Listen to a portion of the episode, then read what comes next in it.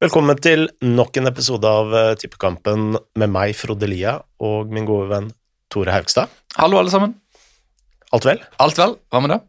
Alt vel. Jeg gleder meg til uh, ny helg med masse fotball, og dette er jo uh, altså tidenes uh, fotballhelg. Altså det er derby i Frankrike, Italia, Spania og ikke minst Altså det er jo ikke lokalderby, men det er jo et av de største oppgjørene i, i England, Manchester United-Liverpool. Ja, og det er jo et oppgjør som har skuffa lenge, egentlig. Jeg mista kontrollen over hvor mange sånne svære kjempekamper det skal være, og liksom pressen bygger opp til det hele uka, og så blir det sånn 0-0, 0-1. um, men denne gangen så tror jeg det kan bli annerledes. Jeg tror lagene har vel ikke vært så åpne på ganske lenge, og det er mye mål i alle kampene til begge lag, så jeg tror kanskje vi kan få en, en liten oppreisning akkurat der. Jeg er jo eldre enn deg. altså Jeg husker jo altså til Ian Rush uh, sine dager, hvor uh, disse oppgjørene var uh, elektriske. Hvor Liverpool hadde jo et sånn markant overtak på, på Manchester United.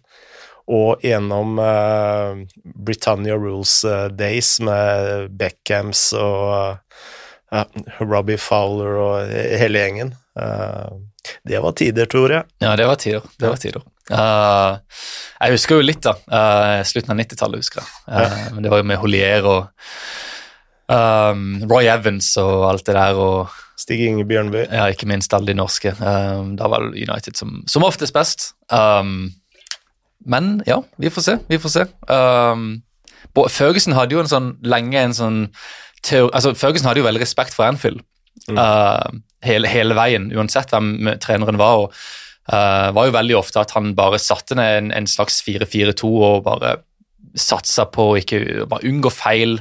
Uh, håpa at liksom det kommer en åpning, og han var egentlig ganske defensiv i mange av de oppgjørene. Uh, spesielt på Anfield. da. Ja, På den tiden så var jo ikke disse oppgjørene så veldig taktiske. Eller Manchester United var vel aldri så veldig taktiske under Alex Ferguson. Jeg husker jeg snakka med Henning Berg en gang. Han fortalte at uh, det som var det store sjokket for han, da, å gå fra Blackburn, Blackburn til Manchester United det var I Blackburn så var uh, alt var, Under Kevin Keegan da, så var alt så veldig planlagt. litt på samme måte som under Nils Arne Eggen, da, at det var mye sånn det var mye fokus på eh, samhandling, for å bruke et uh, norsk eh, begrep. Men når han kom til United, så var det veldig lite fokus på det. Det var mer det at spillere selv skulle liksom vise initiativ, og 'express yourself' er jo sånn buzzord fra Manchester United. Og han sa at det eneste Alex Ferguson egentlig var opptatt av, det var å spille med tre på midtbanen i Champions League. Ellers så ja. var det veldig lite Og det var etter dette famøse, den famøse Champions League-kampen mot Real Madrid. Ja. Uh, han lot jo assistenttreneren gjøre veldig mye. Uh, han hadde en assistent i Aberdeen på 80-tallet som heter Aki Knox. Mm. Archie Knox. Og jeg tror det var han som sa til Ferguson at helt i starten av karrieren til Ferguson så skulle liksom Ferguson gjøre alt. Han skulle være som mikromanager på alle mulige nivåer og veldig hands on veldig involvert i alle treningsøktene. Um, og så sa liksom assistenttreneren til han, hei, hvorfor har du meg her i det hele tatt? Hva er det jeg skal gjøre? Jeg får jo ikke gjøre noen ting, du skal gjøre absolutt alt. Kan ikke jeg bare ta litt av denne økta her, og så kan du stå på sida og faktisk observere hva som skjer? Mm. Um, og siden den dagen da, så, så lot alltid Føgesen assistentene og trenerstaben ta treningene, mens han sto på siden av og observerte, sånn at han liksom kunne merke alle detaljene. Hvem som var litt sliten, hvem som var fokusert, hvem som liksom um, trengte litt hjelp eller trengte litt sympati eller støtte. Um, og Jeg husker jeg, jeg, en, jeg, skrev en sak om Carlos Queiros før VM i 2018, når han var trener for Iran. Og Da hadde han snakka om hvordan han fikk jobben som assistent for Ferguson. Mm. Rundt 2003 eller noe sånt, tror jeg. Og uh, han fikk jobben, og, og var liksom Ja, hva skal vi gjøre i dag, Fergie? Hva er liksom planen? Nei, det er du som bestemmer, du er assistenten. Du, mm. du, du fikser det. Så Queiros var i praksis treneren. Uh, men så var liksom Ferguson et hakk over da, som manager og liksom overså alt og kom med motivasjon og peptalks og, og liksom var man, mer man-manageren. Um, Og uh, Det er jo en slags dobbeltrolle, og det sier jo litt om hvordan Ferguson klarte å, å, overleve i den jobben så lenge at han delegerte så mye ansvar. Mm. Um, samtidig som det overlot veldig mye av taktikken da, til assistenten. Um, det var jo på den eh, tiden de også gikk fra å spille med to spisser til én spiss. Ja, ikke sant? Um, og uh, når Manchester United vant Champions League i 2008, så slo de vel Barca i semifinalen mm. uh, ved å spille veldig defensivt. Paul Scholes skåret vinnermålet uh, 1-0 Paul Trafford, og så tror jeg det ble 0-0 i Barcelona. Og før den kampen så hadde Keiros liksom tatt over hele uh, treningsøkta. da og lagt ut sånne matter på banen for, som liksom viste hvor Barca-spillerne skulle være nei, hvor United-spillerne skulle være posisjonerte. Uh, og liksom Hele greia var liksom strukturen uten ball og hvordan de skulle være kompakte. og Gary Neville snakka om dette i boka hans og liksom sa at Kveiros fortjente hele æren for at de klarte å komme seg gjennom de kampene. da. Mm. Um, så det går liksom hånd i hånd med at ja, assistenttreneren fikk veldig mye ansvar, og Ferguson var ikke så hadde ikke et sånn taktisk preg der på laget som f.eks. Guardiola og, og, og Tuchel og, og, Klopp. Og det er jo litt sånn uh, den skolen Ole Gunnar Solskjær har adoptert nå. Nettopp. Og nå leser man jo opp og ned i mente hvor uh, Altså, når det er kritikk, så er det fordi Ole Gunnar Solskjær er for fraværende på treningsfeltet. Og når det går bra, så er det fordi han også er fraværende på treningsfeltet. Ja, ja. Uh, men du snakka om at du tror at uh, denne kampen her kommer til å bli mer åpen enn uh, tidligere oppgjør. Og nå ble jo Fred skada i Champions League-oppgjøret i går mot Atalanta. og jeg brukte jo mye tid på å snakke ned Fred i forrige episode. Mens, men det jeg ikke sa, det er jo at Fred også er jo Manchester United Altså en av de viktigste spillerne til Manchester United. Det er bare at jeg mener jo at nivået hans til å spille for en topp fire-klubb i den rollen Altså, han er ikke god nok til det. Eller i hvert fall med tanke på når du ser konkurrentene til Manchester United. Og nå uh, er jo han ute, uh, så nå kommer de jo til å troppe på, opp med et lag som eh, etter mange, manges mening, og min egen, eh, er ganske ubalansert. Og det borger jo for en eh, veldig åpen kamp. Ja. Um, jeg tror en av tingene som ble litt sånn underkommunisert etter tapet mot Leicester uh, forrige helg, var at altså snak, Folk snakker om Ronaldo og som at han ikke jobber nok, men den sentrale midtbanen med Pogba og Matic, det er, det er seige Der går det treigt, altså. Mm. De, dekker, de, dekker, ikke mye rom. og jeg, jeg føler det er et kjennetegn til alle de beste lagene at de har sentrale midtbanespillere som flytter beina kjapt, og som er veldig gode til å posisjonere seg. Uh, Klopp har liksom alltid hatt sånn Fabinho, Henderson, Vilnaldum, uh, Elliot, uh, Milner, spillere som flytter beina kjapt, som, som liksom dekker rom, Eh, klarer å stenge igjen disse pasningsvinklene, sånn at motstanderen ikke kommer inn bak eh, i mellomrommet. Um, og du må ha det for å presse høyt, og du må ha det for å stenge igjen skikkelig når du ligger lavt. Og når du har Pogba, som egentlig ikke har det instinktet til å spille defensiv midtbane, og Matic, som er godt opp i 30-årene og som flytter seg mye tregere enn før, mm. kombinert med Ronaldo fremme, så er det ikke rart at United blir spilt rett igjennom. Um, og der kan du forsvare Fred og McTominay også, at de er iallfall ganske solide og, og, og tar duellene og, og beveger seg. Ja. uh, Og, eh, og, derfor så, ja Jeg tror liksom McFred er, det er det beste de har, selv om det ikke er godt nok. McFred? McFred. um, og ja, det, selv om eh, Fred har blitt utskjelt der også, så, så, så, kommer han til å bli et savn mot Liverpool. Mm. Det, jeg vil jo mene at Pogba har jo vært mye mer mobil og virka mye mer interessert i år enn det han har vært eh, tidligere. Uh, så Pogba har på mange måter overraska meg litt sånn positivt i år. Ja. Men uh, best som ing, kanskje? Eller iallfall offensiv? Ja, men det handler jo litt om hvordan man setter sammen en midtbane, da. Altså, i et annet lag med en um, bedre defensiv uh, midtbanespiller, så ville kanskje han kommet uh, mer til sin rett som indreløper, f.eks. Ja. Jeg syns han er den, en av de mest misforståtte spillerne jeg kan huske. Jeg, jeg, skjønner ikke hvorfor så mange har brukt han som sentral midtbane. Altså, Sett han opp som en ving, sett han opp som ja, det, gøy, Interessant å se om Bruno hadde blitt skada i to måneder, og så hadde de bare satt Pogba opp som offensiv midtbane. Mm. Bare la han, la han få ballen uh, Unngå at han slår de der langpasningene fra innenfor en egen halvdel. Unngå at han går seg fast med ballen uh, rett foran sine egne stoppere. Sett han opp innenfor banens siste tredjedel, hvor han kan dra en spiller og skyte, eller dra en spiller og spille en gjennombruddspasning. Mm. Han slipper å jobbe, jobbe hjemover og liksom måtte tenke på hvordan han skjærer av vinklene og, og liksom screener foran stopperne. Uh, men det er ingen som gir den rollen. Nesten ingen. Det nærmeste vi har sett, er Solskjær som setter ham på vingen, og da får han plutselig fire assist i en kamp. Og eh, dette du nevner med presspill, er jo ganske påfallende med Manchester United.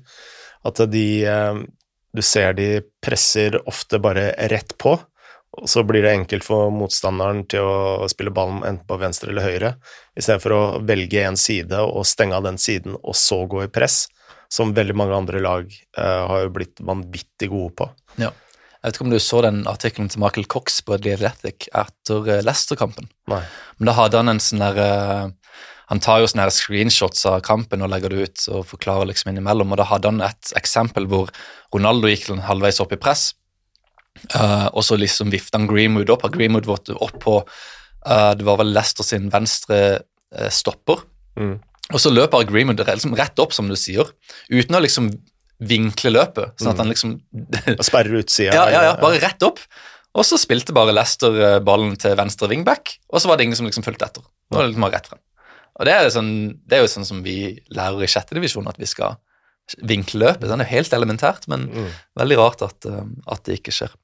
Men, noen, men noen som er veldig flinke på det, det er jo Liverpool. Ja, ja, vi må jo nesten videre her. Uh, og de har vel nå uh, et nivå som er helt der oppe med da de tok ligatittelen Absolutt. og da de nesten tok han fra City året før. Um, og mye av dette skyldes jo selvfølgelig Sala. Um, det er jo snakk om at han er verdens beste spiller, jeg vet ikke om vi skal gå inn i den debatten, men uh, oh, la oss gå Altså, jeg med, kan vi ikke gjøre det? ok, Fordi altså, vi må bruke ett sekund på å hylle, hylle Salah, fordi ja, vi, ja, vi skal hylle han, vi skal hylle. Altså, jeg kan ikke Jeg har sett litt eh, PSG i år. Jeg har sett eh, Real Madrid, jeg har sett eh, Dortmund, jeg har sett Bayern München. Jeg, eh, det sto- men det, altså, det er ingen som har det nivået som Mohammed Salah har nå, akkurat nå, Ja, etter min mening. du får ikke noe prosess fra meg. Nei. Det er jo helt vilt. Og det er ikke alltid skåringene som er det mest imponerende for meg.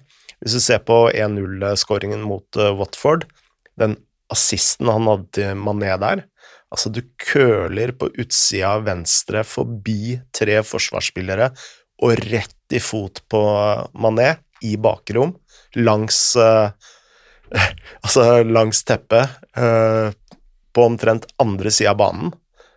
Hvem i alle dager gjør noe sånt noe annet enn Salah? Ja, ja, det er et godt poeng. Og det med, altså Salah snakkes jo som en målmaskin, men altså siden han kom til, Roma, nei, til Liverpool i 2017, så har han da ti målgivende første sesong, åtte i andre, ti i tredje. Så falt han litt ned med fem i siste, men nå har han altså fire målgivende på syv kamper. Mm. Det er litt sånn Det er ikke så mange som snakker om akkurat den dimensjonen i spillet. Um, Det, det du også kan legge til, det er vel eh, det er vel få andre Liverpool-spillere som er på topp ti på den assist-lista. Du har vel Trent uh, Alexander Arnold på en syvendeplass, men i fjor, for eksempel, så var det Robertson på en uh, fjortendeplass. ja, det var ingen av de som hadde mer enn syv. Nei, som er veldig uvanlig. Um, jeg har sett litt på Sala. Jeg, jeg, jeg lurte liksom på om Sala er bedre nå enn han var i den første sesongen sin. Så jeg så litt på tallene. Uh, og målmessig, og jeg liker å ta vekk straffer her, for jeg syns ikke det skal telle når vi liksom vurderer en spillers verdi for laget. da. Mm. Uh, men første sesongen så hadde han da 0,96 mål per 90 minutter, altså omtrent et spillemål per kamp, som er helt utrolig. Nå har han 0,75, som er litt lavere. Um, men han hadde da 0,31 assist per 90 første sesongen, altså én per tredje kamp. Nå er han på 0,50, altså et mål, nei, en assist per, per, altså per eh, 180 minutter. da mm. som er ekstremt ekstremt høyt. La oss si at han spiller alle hvert minutt i, i ligaen og fortsetter uh, den utviklinga, så ender han på 19 målgivende, som vil være ett et bak rekorden til, til Henry. Um, så det er veldig bra. og um, Det er liksom, altså Forrige sesong så hadde han 0,15, før det er 0,31, så, så Salah er på et ekstremt høyt nivå, men han har altså aldri skapt like mye som før. Mm. Uh, det er litt interessant å tenke. og um, jeg, jeg, jeg, tror det henger litt sammen med det at Liverpool som kollektivt skaper veldig mye mer. Uh, Trent og Robertson ligger også på omtrent de samme underliggende tallene. Alle er på sånn 0,40 i forventede mål, målgivende eller expected siste per, mm. per 90, som er ekstremt høyt. Jeg tror alle tre er innenfor topp fem på den lista i Premier League. Um, så de har da blitt, de tre har liksom blitt de fremste sjanseskaperne i et kollektiv som skaper veldig veldig mye mer enn før, uh, og som har skåret seks mål flere enn noen andre. og bare maskineri, maskineri, som, maskineri som går for for full guffe. Um, og um, ja. ja. for det, for å spille djevelens advokat, da, uh, så kan man si Er Salah nå så god fordi lagkameratene hans har gjort den så god? Og det vil det jo alltid være i et uh, lag, da, at uh, du uh, Hva skal jeg kalle det?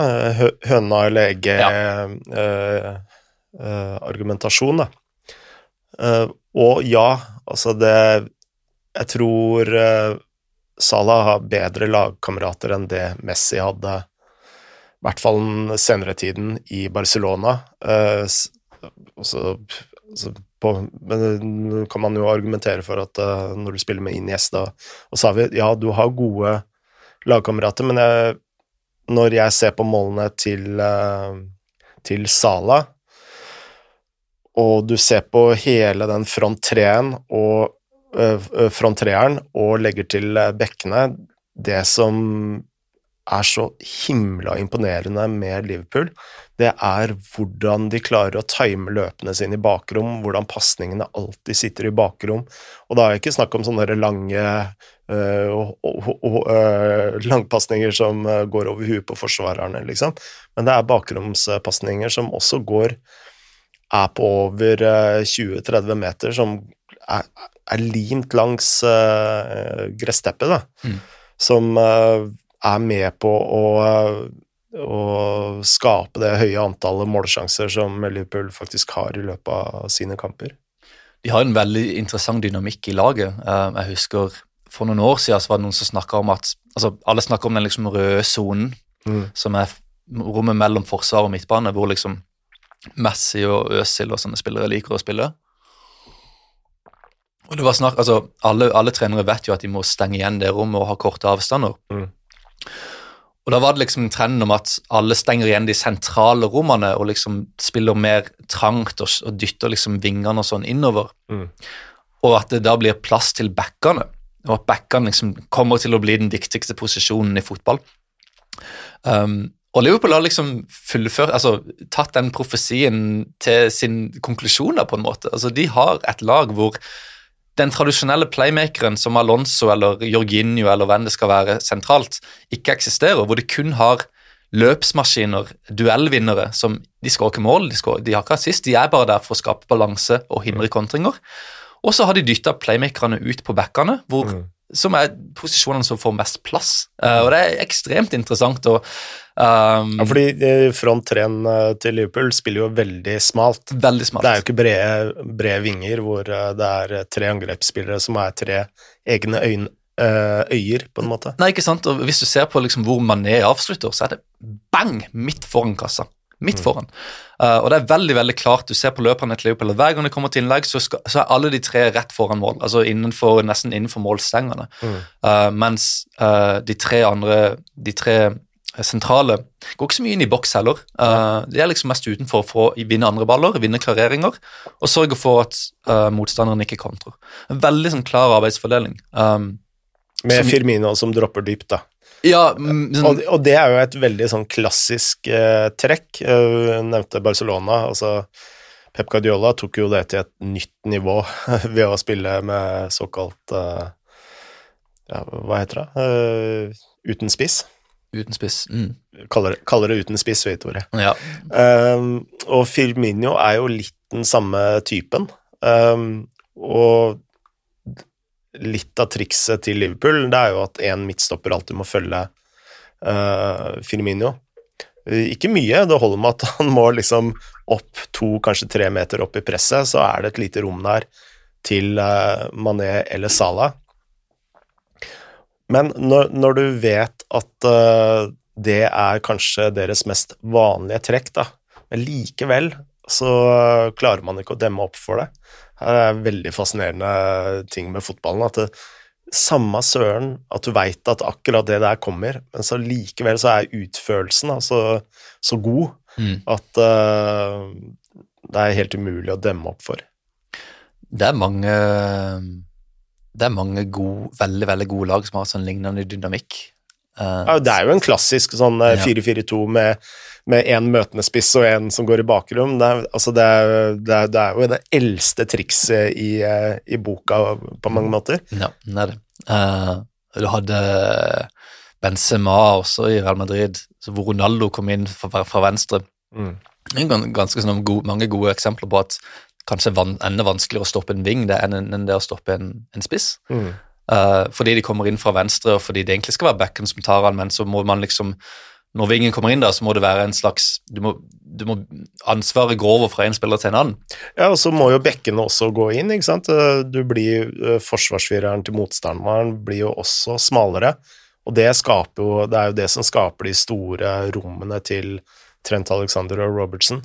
Ja, um, og det er liksom Ja, det er bare blitt en sånn eksempel på Eller en slags tendens da på mange av de aller, aller beste angrepene. Men her er vi kanskje inne på uh, nøkkelen til hvorfor Liverpool gjorde det så svakt i fjor, sånn relativt uh, sett, da, i forhold til i år. Og altså, når du går med begge bekkene sine, som Liverpool ofte gjør, og står igjen med to bak og en treer på midtbanen, så er du jo sårbare, altså i hvert fall sånn teoretisk, da, sårbar for kontringer imot. Vil du si det? Ja, du er jo det. Men hvis du har tre sentrale som, som, holder igjen, da? Ja, altså Den kan du jo spille over, og det er jo det uh, motstanderne ofte prøver på. da, Spille rett opp på en spiss, som igjen kan uh, sende ballen ut på kantene. Eller uh, sende ballene rett ut på kantene. Men der man ikke hadde van Dijk i fjor, så har du jo van Dijk, som er så ekstremt god på å bryte foran uh, angreps, motstanderens angrepsspillere i den, i den, fasen der. Mm. Altså du, hver eneste kamp så har han kanskje seks-syv sånne involveringer hvor han bryter uh, foran. Hvis det har vært en corner oppe og de forsøker å kontre, så er han foran deg med én gang. Mm. Og det klarte de ikke i like god, stor grad i, i fjor. Det er kanskje litt hvorfor det er um, alle de liksom store presslagene har stoppere nå som er raske. Uh, mm. Det er helt umulig å liksom stå med samme hypie uh, igjen som stopper, da, hvis du virkelig vil pushe opp og, ja, og ta den risikoen. og det er jo en god sikkerhet, men jeg, jeg tenker jo at uh, sånn jeg ser van Dijk, da, så er det ikke nødvendigvis alltid fart Han er sjelden han bruker farta si, for han er så flink til å bryte foran. Og når vi snakker om uh, eh, snakka om uh, Alex Ferguson uh, tidligere, og det er jo den klassikeren med Jap Stam, som, uh, som fra å være en sånn kraftstopper som takla folk utover sidelinja og vant dueller, så begynte jo han også å bli mye flinkere til det å, å bryte i forkant. Og det så man på statistikken. Men uh, der tolka jo Alex Ferguson og Manchester United den statistikken helt feil. Ah. Fordi uh, de uh, trodde at uh, Japstam var på, på, vei ned fordi han takla mindre. Men det var bare at han hadde blitt en klokere spillere, spiller, da. Og det har jo Alex Ferguson ja, Dette kommer fra han, så det er hans analyse av, av dette. Og så er det mange som sier at den biografien hans var en medvirkende årsak til at han eh, ble kasta ut av Manchester United, men eh, det var nok mer medieskapt enn noe annet. Det var, Jeg husker jeg leste det at Førgesen sa at det var salget han angra mest på mm. som trener, eh, og ikke minst måten det skjedde på. Han var det, jeg husker ikke historien bak det, men han endte opp med å møte Stam på en bensinstasjon, hvor han sa at han kom til å bli solgt, mm. og så kjørte de bare hver sin vei. det var litt sånn fæl, fæl slutt på et veldig veldig godt samarbeid. da, Men ja, han dro vel til Lazio og var god der i flere år. Ja, men det, men det var det det var jo ikke spilleren i seg selv, men det var det at han hadde uh, tolka analysen helt feil, da. Og det, det er jo det jeg tenker at det, alle gode trenere eller ledere, uh, når de evaluerer, da, så ser de hvor de har gjort en feil sånn uh, strukturelt og analysemessig. Mm og klarer å hente seg inn eh, For han har jo solgt spillere under en lav sko som har stått, uh, stått han uh, mye nærmere enn Jap Stam. Ja da, han har det. Um, og for å ta parallellen til van Dijk, så er vi også statistisk sett så er van Dijk en av de mest passive stopperne i Premier League. Mm. Han er liksom, han står bare og venter, han gjør ikke utslag. Altså De fleste, mange forsvarere føler liksom at de må gå mot ballen. Han er så rask og så sterk at han, han venter på at spissen skal gjøre et utslag, og så følger han. Mm. Og så er det, det er liksom sånn keeperen som er så reaksjonssterk og, og god at han venter på å se hvor straffesparket går, da, mm. fordi han kan ta den likevel. og Um, det er jo en utfordring for disse statistiske selskapene som prøver å analysere stoppere, da, og liksom ta dette med. og Um, hørte på, jeg husker Statsbomb-podkasten til Ted og, og uh, Ted Knutsen og, og, James York, og de sa alltid at det vanskeligste, vanskeligste posisjonen å liksom bedømme statistisk var stoppere. da. Mm. Du måtte være veldig forsiktig med det, uh, og du måtte liksom ta inn ta lagstrukturen og spillestilen med i med i regnestykket. da, uh, og Du ser liksom på antall klareringer, så er liksom, ja, Burnley sine stoppere klarerer mest. Mm. Men det er jo fordi Burnley ikke har ballen, og fordi de forsvarer seg lavt osv. Så, videre, og så, um, jeg husker jeg leste en uh, analyse av en av uh, elevene til Geir Jorde. Mm. Eller det er vel ikke elever man snakker om når man snakker om universitetsgrader, men han hadde da laget en eh, liten analyse av forsvarsspillere i Premier League, og fant ut eh, hva som er forskjellen på eh, de aller, aller beste og de som er på et lavere nivå, da, i Premier League-hierarki. Og han fant ut at det som skilte stoppere mest fra de beste til de dårligste, det var Altså ikke bare hvor mye de orienterte seg, men hvordan de orienterte seg. Uh, og uh, i denne kategorien er uh, van Dijk, og det er veldig interessant når du følger med van Dijk nå. Og det han fant ut, det var at f.eks. når du skal løpe hjemover De beste stoppera, de rygger alltid. Så de har full oversikt på hva som skjer på, på, på banen. Så de rygger eller sidestiller seg stort sett. John Terry var ufattelig god på akkurat det der. Uh, mens de uh, svakere forsvarsspillerne de snudde ryggen til og begynte å løpe hjemover. Ah, okay. uh, og få med deg mindre av hva som skjer. Følg med på van Dijk. Han er i den kategorien hvor han rygger hjem. Han skal alltid ha oversikt.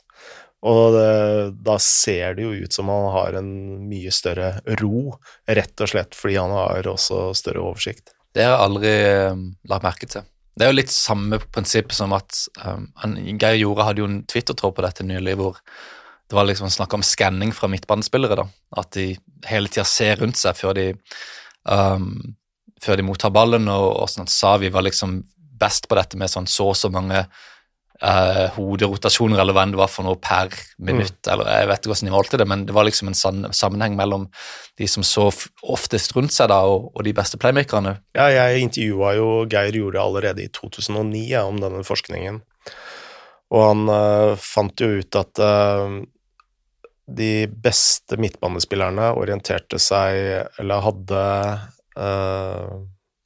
gjerne fire søk i forkant av mottak av en pasning. Spillere som eh, Frank Lampard, Veron osv. Mens en uh, eliteseriespiller søkte 0,25. Nei, så, for, så, mye forskjell. Stor, så veldig stor wow. forskjell. Ja. Um, og det ser du jo en spiller som Martin Ødegaard. Han, eller faren uh, til Martin, 15 år, uh, tok jo høyde for dette her. Mest sannsynlig Josemar-abonnent og leste det, den saken jeg hadde i 2010. Eh, la oss håpe det. Eh, men de jobba eh, veldig bevisst med akkurat dette her gjennom hele barndommen og ungdommen, da. dette med orientering. Og det er jo Martin Ødegaard veldig god på. Mm. Og det ser du jo nå under Arsenal, hvor flink han er til å orientere seg. og og det skaper en helt annen ro. Og eh, nå har de jo også gjort uh, Altså, uh, Geir Jorde og, og, selskapet han er medeier i Be Your Best, som lager sånne VR-briller hvor du kan øve på å orientere, orientere seg, og de jobba jo veldig lenge med Arsenal og Arsen Wenger med denne forskningen, så de har satt sånne sensorer på øynene, så du kan eh, liksom gå inn i spillerne og se hvordan de faktisk orienterer seg i motkant. Eh, så det er eh, utrolig hyppige søk hele, hele tiden. Og du skal peke på én ting som skiller de beste fra de nest beste, så er det akkurat det. En spiller som er aktuell i denne kampen, eller han er jo uaktuell fordi han er skada, Fred Legg merke til hvor ufattelig lite han orienterer seg ja. i, i, forhold til eh, andre spillere i hans kategori. Han er stort sett alltid feilvendt og har lite orientering. Er derfor han også mister ballen så ofte som han gjør. Jeg husker Jorginho ga et intervju hvor han sa at hvis jeg ikke orienterer meg skikkelig før jeg får ballen, så er jeg helt død. Da, og spesielt Jorginho, da, som bare blir spist opp helt, som på tempo og sånn. Ja. Kun det, altså hele det elementet der er liksom hele nøkkelen til at han overlever på det nivået. Ajax og Barcelona-skolen er jo også eksponenter, eh, og de har jo jobba med dette her i liksom 40-50 år. Mm. Uh, og Savi uh, forteller jo at uh, han er jo helt manisk når det kommer, kommer, til dette. Altså når han går inn i en restaurant, visstnok, uh, så må han ser seg Ser seg rundt hele tiden. For, men også for, for, for, å dra dette tilbake til stopperen da, van Dijk um, jeg tenker liksom at Det er jo mindre viktig for stoppere å, å ha dette, men uh, det at de beste stopperne rygger, da, er jo en slags defensiv versjon av de sentrale midtbanespillere, at de alltid har oversikten over hva som skjer. De alltid har, ser rundt seg og har liksom hele bildet. da. Um, og det slår meg som en sånn greie som man kanskje ikke alltid legger merke til uh, på TV. Jeg har aldri tenkt over det i det hele tatt, at de beste stopperne rygger og ser mot ballen. Uh, men la oss si at det kommer et langt oppspill, da. Uh, også på TV så ser du liksom kameraet som følger ballen, og idet du ser ballen fra TV-kroken, så er liksom duellen der. Mm. Mens hvis du, hvis, altså hvis, du se, hvis du, vil se reaksjonen til spillerne umiddelbart, uh, selv når ballen er på andre sida av banen, og se hvordan stopperne reagerer og hvordan de ser seg rundt, om de jogger med ryggen til eller om de rygger, så må det nesten være på, på stadion for å se det, tenker jeg. Mm. Uh, og Det slår meg som en sånn liten detalj som er veldig viktig, men som ja, Uh, man forklarer litt av hvorfor mange, mange av klubbene vil ha folk på stadion for å analysere mulige signeringer. Jeg kan bare ta litt sånn uh, statistikk da, på, på det jeg snakket med Geir Jorde om. og det er altså Hvis du søker om omgivelsene dine fra 0 til 0,25 ganger per sekund før du mottar en uh, pasning, så treffer du med 39% av dine fremoverretta pasninger i etterkant. Hvis du øker den eh, prosentsatsen fra 0 eh, til 0,26 til 0,5 ganger, treffer du med 56% Om du søker da fra 0,51 til hele 1,25 søk i sekundet, så øker det treffsikkerheten da på dine fremoverretta uh, Eller da har du en treffprosent på 77 så det er jo en eh, vanvittig eh, spredning her, da, fra antall søk til antall eh, pasninger du treffer på. Mm. Så to ting å legge merke til uh, på søndag Liverpool mot United. Legg merke til om stopperne rygger, og legg merke til om de sentrale midtbanespillerne ser rundt seg før de mottar ballen. Det kan forklare veldig, veldig mye. Mm. Um, nå, akkurat den kampen så tror jeg mistenker at uh, det ikke er så veldig mange sentrale midtbanespillere som skårer høyt på akkurat de statistikkene der, men mm. uh, vi får se. Um, for, har vi noe mer her for grunn av uh, United mot Liverpool? Nei, altså Det som er litt sånn spennende, disse kampene lever jo helt sitt eget liv. Og nå er det jo nærliggende altså at uh, Manchester United har vært så spillmessig svake. Uh, har sett skrøpelige ut uh, defensivt, med ubalanse i midtbaneleddet og en Maguire som uh, er rusten. Og du har et, en angrepsrekke som er kanskje blant de beste i hele verden på Liverpool, så er det jo nærliggende å tro at Liverpool kommer til å kjøre over Manchester United her. Men det er en sånn X-faktor her, da. Og det er jo altså, Av en eller annen merkelig årsak så klarer Manchester United seg sånn historisk under Ole Gunnar Solskjær seg veldig godt mot uh, topplag. Ja, de gjør det. Uh, men jeg tror Fred har vært en viktig brikke av det. Og nå får vi se om de Ja, ja, altså, jeg tror jo at uh, Liverpool kommer til å vinne denne kampen. Komfortabelt. Men samtidig så er jeg veldig usikker på om de gjør det. Kan jeg spå et Liverpool-mål på dødball? Um, United var jo liksom Hver gang United gjør en sånn her liten forflytning i trenerteamet, så blir det sånn big news fordi uh, alt med United liksom blåses opp, og, og, og, det er så mange som følger dem. Uh, de hadde jo sånne data scientist de ansatte i, i, sommer. Men de ansatte også Eric Ramsey som defensiv dødballspesialist, og det skulle liksom være en svær greie for å hindre baklengsmål uh, imot. Jeg tror de hadde 14 baklengs på dødball forrige sesong, som er skrekkelig for mm. United, uh, og en av de høyeste i ligaen. og det å ha dødballspesialister er noe som lure lag har gjort i lang tid, som f.eks. Brentford og Liverpool osv. Så, uh, så United da heng, slang seg på dette og fikk inn Eric Ramsey. Uh, men mot Leicester da, så ble det da to baklengs på dødball, uh, pluss at de slapp inn etter en femmeter, som ikke er Ramsey sitt ansvar, da, men uh, igjen en fast situasjon. da, Så tre mål på faste situasjoner. Uh, og så slapp de inn en corner mot Atalanta. Mm. Uh, så tydelig at Eric Ramsay enten har veldig mye å ta tak i, eller at han ikke har helt fått taket på det ennå. Men ja, la oss se ja, hvor, hvor, skal man kategorisere liksom, dårlige involveringer av spill spillerne, og samtidig bedømme jobben til Ramsay? Ja, det er jo ikke lett. Det er jo ikke lett. Men de skal jo ha nok trøkk der til å liksom De får liksom ikke Jeg vet ikke. Jeg, jeg vet ikke hvordan det henger sammen, men Det er Luke Shaw, altså på dødball.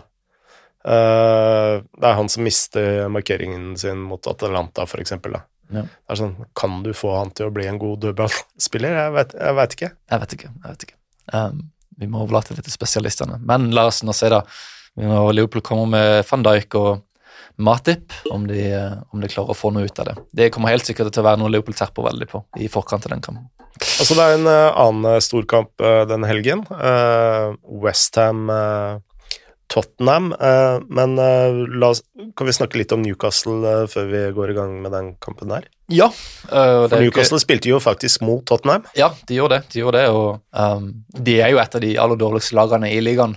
Iallfall sånn som det har vært under Bruce. og Uh, det her er litt sånn Jeg føler folk liksom må huske på uh, viktigheten av kampene når altså, United spilte mot Leeds og, og Newcastle og mm. vant stort. og liksom, ok, nå er det noe på gang. United er bra.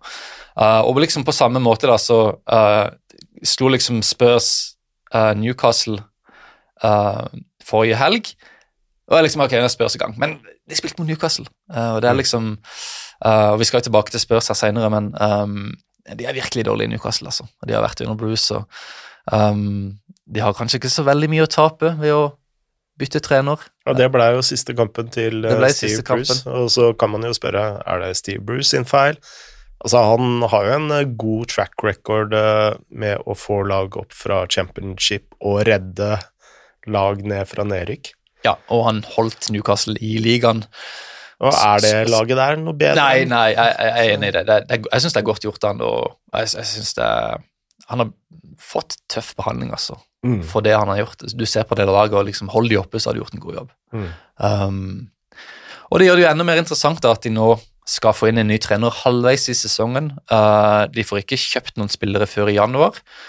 Er det kanskje en det er, Jeg vil si det er en reell sjanse for at de rykker ned. Uh, fordi det er liksom ikke opplest og vedtatt at du kan forsterke hele laget og forvandle det så totalt i løpet av et januarvindu. Mm. Det er ikke så lett. Det er ikke bare å hente Mbappé i, i, med en gang vi er forbi nyttår. og Selv om du liksom har 30-40-50 millioner pund, så får du ikke så mye for det i dagens marked. Uh, du får ikke inn fem spillere som kan forvandle laget totalt, med mindre du uh, handler veldig, veldig lurt. Mm. Um, Men nå får vi begynne med, med trenerjakta, da, som er det første som, som kommer til å skje. og Her uh, syns jeg det jeg, liksom, Vi snakka om dette forrige uke. Hva, hvor mye kompetanse har Newcastle? Hvor flinke er de?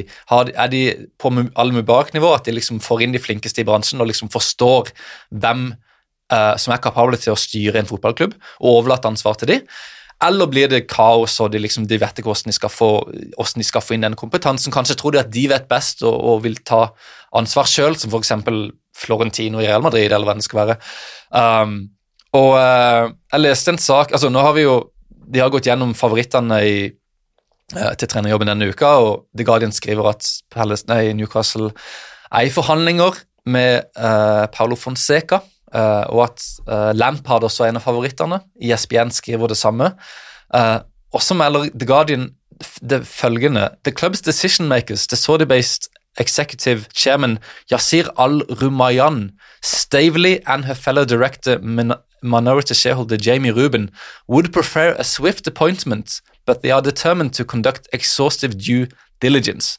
Altså, disse tre er de som liksom er uh, leder den prosessen med å finne en ny trener. Og så kan man spørre hvor mye grunnlag, hvor mye kompetanse har disse tre for å finne ut av hvem som er den beste treneren for et nedrykkstrua og kriseramma lag i Premier League?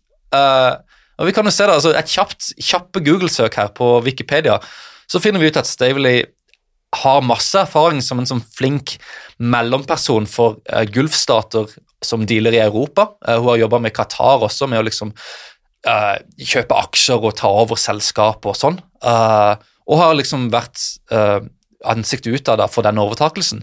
Men det er ingenting der som liksom har noe med sportslig kompetanse å gjøre i det hele tatt. Yasir al-Rumayan er sjef for oljefondet i Saudi-Arabia, og han er daglig leder i Saudi Aramco, som er Saudi-Arabias Saudi selskap for olje- og gassutvikling. Ja, han satt jo også på tribunen og når du så uh, TV-kameraene zoome inn på han etter 1-0-skåringen, så skulle du jo nesten tro at han aldri hadde vært på en fotballkamp ja. tidligere, for han uh, jubla som en uh, liten uh, seksåring. Jeg har aldri sett en leder være så happy på tribunen. Og dernest ned i kjelleren, tenker jeg, etter kampen. Ja, ikke sant. og hvem vet, hvem vet, hvor mange kamper han har vært på. og så til slutt er Jamie Ruben, sønn av eiendomsmilliardæren David Ruben uh, som er veldig, veldig flink på eiendom. Han er leder for landets største selskap for hesteveddeløp. Men igjen, ingen, ingen, ingen eh, Se det på CV-en til disse tre, så er det ingen, ingenting som tilsier at de um, skal, skal, kunne Altså at, at de vet uh, hvem de skal ansette, da. Og uh, man kan jo si at al-Rumayan liksom er Saudi-Arabias versjon av al-Mubarak, al da. Uh, som liksom er sjefen for åssen uh, de investerer oljepengene osv. Men, uh, men Al-Mubarak fikk jo på plass, som, som vi snakka om, de beste direktørene i bransjen. Uh, mm. Og så fikk han liksom på plass Guardiola etterpå. Uh, her ser det ut som disse sjefene, disse eierne, tar direkte ansvar for å finne en trener, uten å få på plass uh, sin egen direktør eller chief executive først. Mm. og det Så jeg bare, jeg bare observerer dette, da, og så, så, og så, legger jeg til at Lampard faktisk er en av de to favorittene som jeg syns er helt, helt natta. At de vurderer Lampard i det hele tatt. Jeg, jeg kan ikke fatte det. Uh, så får vi se Så får vi se hvem det blir, og får vi se hvordan, om, om, de har noe peiling på det de gjør. Uh, jeg er veldig spent på å se hva, hva som blir det neste trekket. Ja, du er ikke så glad i Lampard, altså? Jeg registrerer. Altså, når du, en, når du har så mye penger og et så viktig uh, på et så kritisk tidspunkt, og så tar du en fyr som har hatt én sesong med Derby, uh, som var ok, uh, og liksom gjorde en god jobb med Chelsea, men, men du så helt åpenbart at altså, den taktiske forskjellen mellom hans sitt Chelsea og Tuchel sitt Chelsea, f.eks. Altså, helt åpenbart at han liksom ikke er på toppnivå, da. og jeg vil jo tro at Newcastle kan få noen som er betydelig bedre uh, enn han. Uh, beklager Lampard, men Men uh, Fonseca er jo et habilt tre trenernavn. det er vel blant det bedre de kan få på dagens marked, vil jeg tro. Men det vil jo bli svindyrt av å hente han, med tanke på argumentasjonen for hvorfor han ikke tok Tottenham før, før sesongen. Ja, hva var det som skar seg der? Nei, det er jo det skatte... Altså, det er en skatteklausul da, som uh, slår i kraft uh, hvis han uh, tar en ny klubb. Så det ville jo fordyre hans kontrakt Jeg husker ikke om det nesten var det dobbelte, men i hvert fall betydelig, da. Så hvis Newcastle går for, for Fonseca, så vil det jo fortsatt være en dyr kontrakt. For det var vel to år igjen av den uh, klausulen. Riktig, riktig, riktig. Um, jeg så litt på Fonseca sine uh, siste prestasjoner. Um, han har gjort det bra i Portugal med litt sånn mindre lag, men uh, han hadde én sesong i Porto, da. Uh, som liksom er det eneste stor, virkelig store laget han hadde i, i Porto. Og det endte med tredjeplass og sparken før sesongen var over. Så dro han til Sjakta Donetsk i Ukraina, og der vant han the double i to av to år, som er veldig bra. Selv om Sjaktar må sies å være et av de mest ressurssterke lagene i, i, i Ukraina. Og så Roma, eh, og der var han i to år, og det ble femteplass først, og så syvendeplass. Um, jeg kan ikke hevde å liksom kjenne til Fonsecas spillestil uh, på et detaljert nivå, um, men altså det, det Jeg tror det var ganske habile prestasjoner med tanke på hva de eh, hadde av tilgjengelig budsjett osv. uh, osv. Ok, ja. Men at, at det er en Mourinho uh, à la Chelsea i 2004, det, det, er det absolutt ikke. Um, så uh, det blir Det hadde blitt utrolig utfordrende for han å ta den jobben med første, første år i England og, og, og, midt i sesongen uten preseason. Uh, ja. Uh, men vi får se. Vi får se. Um, ja, det var det jeg hadde på Newcastle. Ja. Tottenham. Tottenham. Kjører over eh, Newcastle. Kan jo si de kjører over Newcastle. Ja. Er du ikke enig? Jeg så ikke hele kampen, uh, Nei. men uh, Men det var vel en, en velfortjent seier, og Kane viste litt gamle takter. Ja, nå er han på skåringslistene igjen. Ja. Og sånn, sånn, leverer jo nesten uansett hvem som er trener for, for Tottenham. Det er jo helt utrolig. Ja, um, og det er vel um, Altså, det er, uh, det er vel sånn og uh, Regulien Regil... Nei, Regulion. Region. Region. Uh, meg og spansk. Uh, det er vel de jeg, jeg trekker fram hos uh, Tottenham som har imponert meg mest. jeg veit ikke med deg. Jeg må jo ærlig innrømme at jeg syns eh, Lucas Mora Jeg har alltid hatt en liten forkjærlighet eh, for han, men han har jo alltid vært en sånn nesten nesten-spiller. Ja. Altså, du venter jo på det, liksom At han skal sette noen av de store, gedigne sjansene han uh, kommer til, men det er noe ved han som jeg liker skikkelig godt. Ja. Undervurdert hodespiller. Ja. Uh, men uh, og Apropos undervurdert, ja. jeg vil også si at sånn er undervurdert. Jeg, jeg skjønner ikke at ikke han får mer uh, PR. Altså, han, han har levert, han levert, levert, så bra så lenge. Han er en skikkelig, skikkelig superstjerne. Ja, men uh, alle er vel enige om at han er Ja, men jeg, jeg, bare, jeg, bare, jeg vet ikke hvorfor uh, Jeg føler liksom han anses som et, liksom, et hakk under Kane, for eksempel. Et hakk under liksom jeg, vet ikke. Jeg, føler, ja, der har det vært et skifte nå, med at Kane har liksom hatt en dalende formkurve og sånn, har bare fortsatt sin uh, uh, formkurve. Men det som er litt mitt uh, ankepunkt mot Tottenham da, i en kamp nå mot Westham, og det er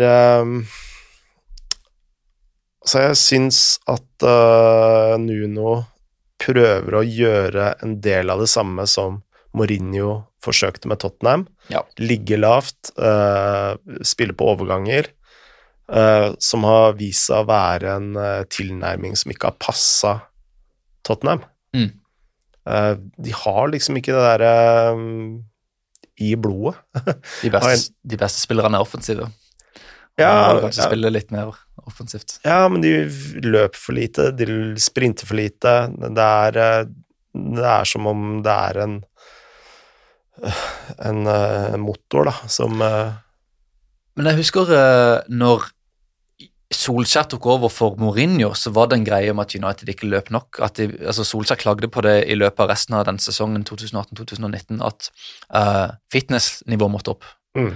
Um, Og nå er, spørs også blant lagene som jobber løper minst, etter at Mourinho har trent dem. Mm. Uh, det tilsier jo at Mourinho har et problem med fitnessnivået på, la, på lagene sine, og at uh, Nuno sliter litt med det samme. Nå er det kanskje, ikke, kanskje litt grovt å skylde på Mourinho da, når Nuno har hatt en, en, eh, en sommer og, og skikkelig tid på seg til å trene laget. Nå skal Men- det jo si, men, si, eh, sies at uh, portugisiske trenere har jo en ganske lik, et uh, likt fysisk regime, da. Altså det er jo der hele det periodiseringsprinsippet uh, kommer fra. Og eh, altså det er jo hovedsakelig to universiteter som utdanner trenere i, eh, i Portugal, og begge, begge disse universitetene har jo dette periodiseringsprinsippet som liggende i, i bånn. Jeg trodde det var kun Porto. Er den et annet også? Ja, du har jo eh, altså den, den Benfica-skolen. Ja. Så uh, Porto er vel uh, den uh, Eller Lisboa-universitetet, da. Um, det er vel der han uh, Pimenta har gått, som uh, er U19-landslagstrener. Er det den samme Er det det fysiske institutt eh, Institutt for fysisk eh, utdanning eller trening eller noe sånt? Nei, Eller- nei, nei. nei. For det, det var en, den skole i Lisboa som Mourinho gikk på da han Ja. var ung. Ja. Og Der hadde de Carlos Queiros og Resualdo Jeg husker hva han heter. Resualdo et eller annet. Freire et eller annet. Hvor de var Iallfall Kveiros var, var lærer der, da. Um, Ja, det er der det periodiseringsprinsippet kommer fra, men det er jo blitt adoptert fra universitet, eller til universitetene. ok. Akkurat som uh, hvis uh, si norsk trenerutdanning, da, så har liksom soneforsvar eh, ligget i bånn, så har dette periodiseringsprinsippet ligget i bånn i portugisisk treningskultur, da, hvor du, eh, alt handler om å være matchfit, da. Så du har en Altså, du uh, uh, trener mindre uh, for å opparbeide deg overskudd, da. Alt skjer med ballen. Altså, du, du innlemmer vel taktisk taktikk Ja, inn i de en sånn tekniske ja. Ja, ja, men det, det er, går litt sånn med på tvers av fotballkultur òg. Altså, det går med på at man har man, Altså hvordan man planlegger uh, treningsuka, da, med intensitet, da. For eksempel uh, så har du uh, tre dager med medium intensitet, og så har du to dager med lavt intensitet og én dag fri, og så har du da kamp som er høy intensitet. Mens motsatsen der da, kan være norske trenere, for eksempel, da, på 90-tallet, som eh, ville gjerne trene beinhardt eh, to ganger i uka. Eh, nå skal ikke jeg gjøre meg til dommer over hva som er, er den riktige tilnærmingen her, men jeg registrerer at det er veldig mange lag trent av portugisere, som ofte blir anklaga for at spillerne er, er dårlig trent. Og nå har ikke jeg nok innsikt i hva som skjedde uh, i Manchester United under Mourinho eller Tottenham, eller hva som har skjer under Nuno nå i, i Tottenham, men uh, det er i hvert fall en interessant uh, sammenheng, da, Mm, absolutt. absolutt. tenker jeg. Um, en annen ting med Nuno, du sier at han er litt, litt for lik Mourinho. Um, Wolves var jo veldig sånn Mourinho-aktig på en måte også, under, under Nuno. De var veldig vanskelig å bryte ned, de var veldig godt organiserte. Um, de lå veldig tett og godt på egen halvdel og var gode til å kontre.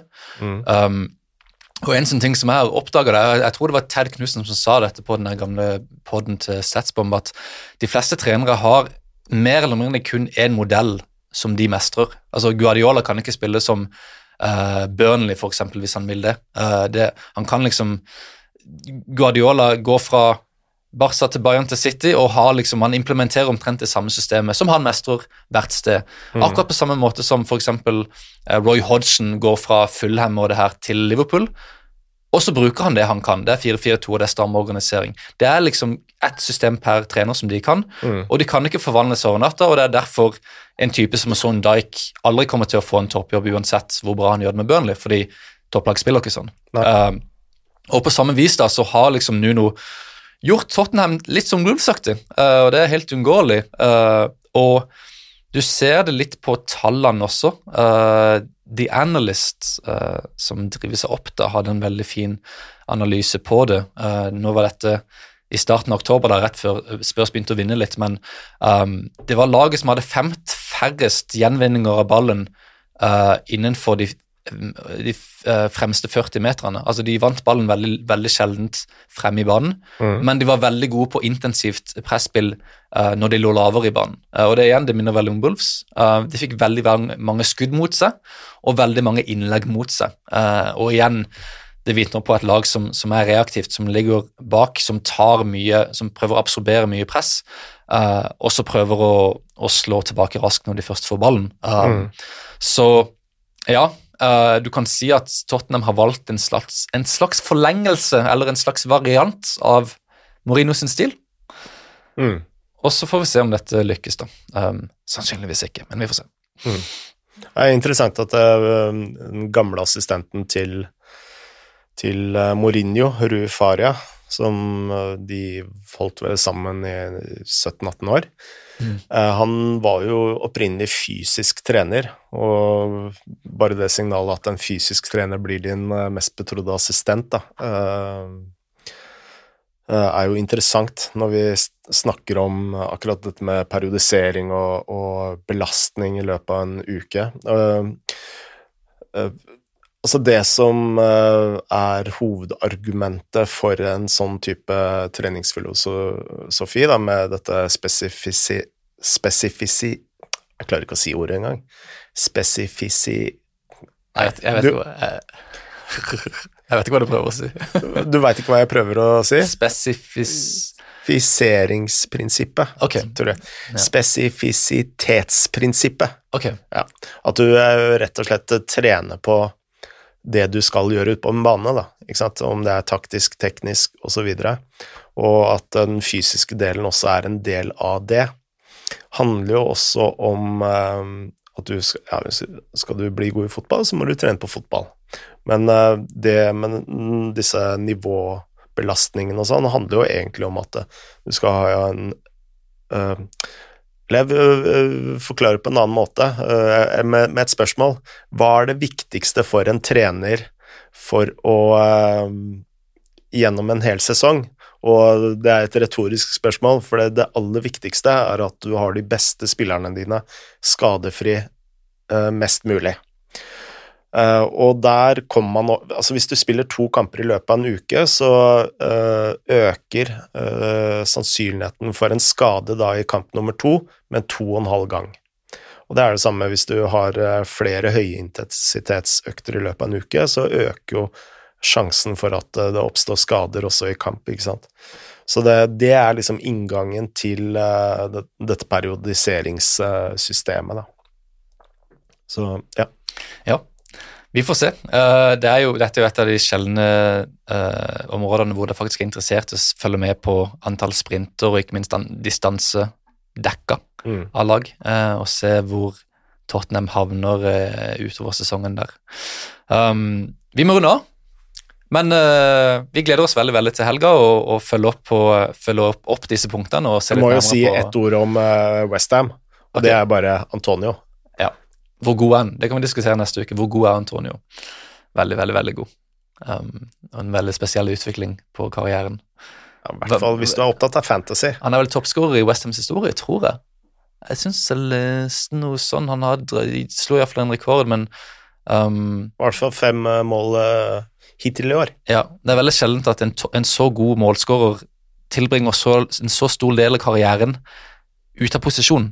Mm. At folk ikke, verken han eller andre vet hva han er for noe. Nei. Og så kommer det frem så seint at oi, ja, denne, denne 27-åringen er jo en av de beste målskårerne i Premier League. Men det kommer til neste uke. Uh, vi ønsker alle en veldig veldig god helg, og så snakkes vi neste torsdag. Adjø. Moderne media.